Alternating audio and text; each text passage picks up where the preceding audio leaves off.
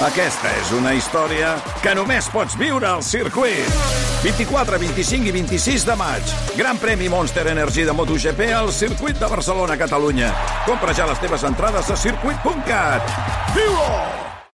Agafa el tren amb Renfe i visita l'estació del Chelsea Hotel per gaudir de la història d'una nova cançó a RAC més 1. Amb Olga Suanya, el podcast on les cançons lliguen amb la història.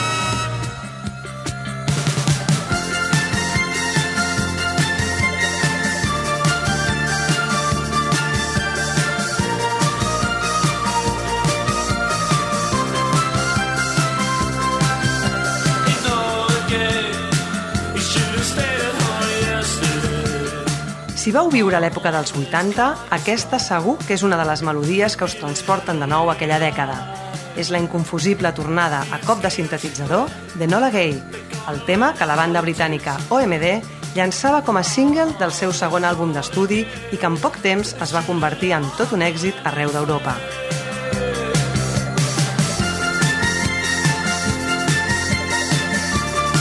Però per estirar el fil de la història que s'hi amaga al darrere, hem de sortir del vell continent i emprendre un viatge que comença als anys 30, a la tranquil·la localitat de Quincy, Illinois, però que acaba a l'altra banda del planeta un fatídic matí d'agost de 1945. Quan el seu fill es va allistar a l'exèrcit, poc es podia imaginar Enola Gay Tibets, que es convertiria en la mare del pilot encarregat de llançar la bomba atòmica sobre Hiroshima, i menys encara que ho faria des d'un avió que portaria el seu nom. Paul Tibets s'havia allistat com a cadet de l'exèrcit de l'aire als Estats Units el 1937 i al cap de sis anys, en plena Segona Guerra Mundial, i ja com a comandant, es va convertir en un dels pilots que més experiència tenien en avions pesants. Les seves nombroses incursions aèries en l'Europa ocupada i les 400 hores de vol que posteriorment va acumular a bord d'un B-29 van fer que l'escollissin per entrenar una unitat especial que s'havia d'encarregar de la supervisió de les modificacions que calia fer a aquest model de nau per tal que pogués transportar la bomba que havia de posar fi a la guerra. El dia previ al llançament, mentre enllestien els preparatius de la històrica missió, Tibets va assumir el comandament del bombarder i el va fer retolar amb el nom de la seva mare en un gest que a banda de ser un homenatge a la dona que l'havia dut al món, era molt escaient per transportar un projectil que havien batejat com Little Boy. A les 8.15 del 6 d'agost de 1945, tal com estava previst, es va fer el llançament. Enola Gay va deixar anar la bomba des d'una altura de 9.450 metres i 43 segons més tard, quan el cap nuclear era a 600 metres d'Hiroshima, la van fer detonar.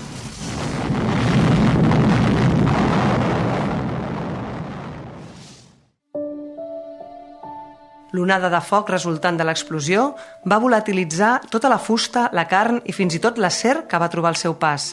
Dos enormes bolets apocalíptics es van alçar sobre la ciutat japonesa amb més de 13.000 metres sobre les cendres radioactives i en un diàmetre d'uns 12 quilòmetres no va quedar res viu. Les autoritats nipones van determinar que el 69% dels edificis van quedar destruïts, 80.000 persones van morir i 70.000 més van quedar ferides.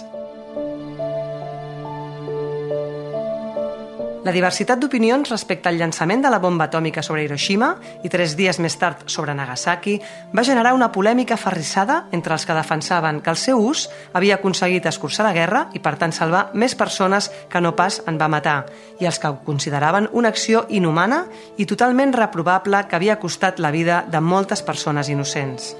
Aquesta controvèrsia continua oberta encara avui dia i s'ha tractat en diferents manifestacions artístiques al llarg de la història, especialment en el cinema i la literatura. En el camp musical, un bon exemple és Enola Gay, la que probablement és la cançó més famosa d'OMD, el duet format per Paul Humphries i Andy McCluskey i que respon a la sigla d'Orchestral Maneuvers in the Dark.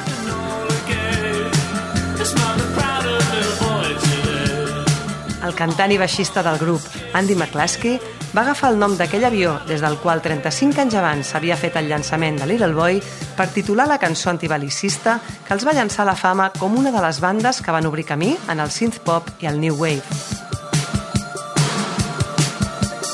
La lletra de la cançó es refereix directament a la bomba i interpel·la l'oient amb frases sobre si aquella va ser una decisió correcta. Són les 8.15 i és l'hora que sempre ha estat, diu en un dels seus versos en al·lusió directa a l'hora del llançament. I en un altre, en clara referència al nom de la bomba, es pregunta Deu estar orgullosa avui la mare del nen petit?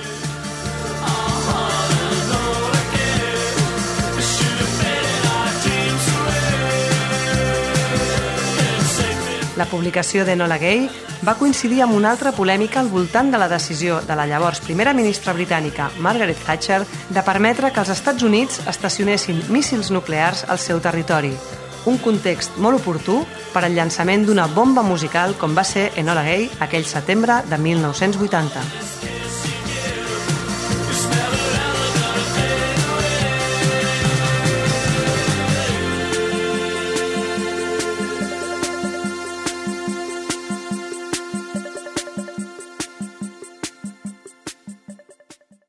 El tren de Renfe, amb parada a Chelsea Hotel, reprendrà el seu viatge i tornarà dissabte que ve amb noves cançons a RAC més amb Olga Suanya, el podcast on les cançons lliguen amb la història.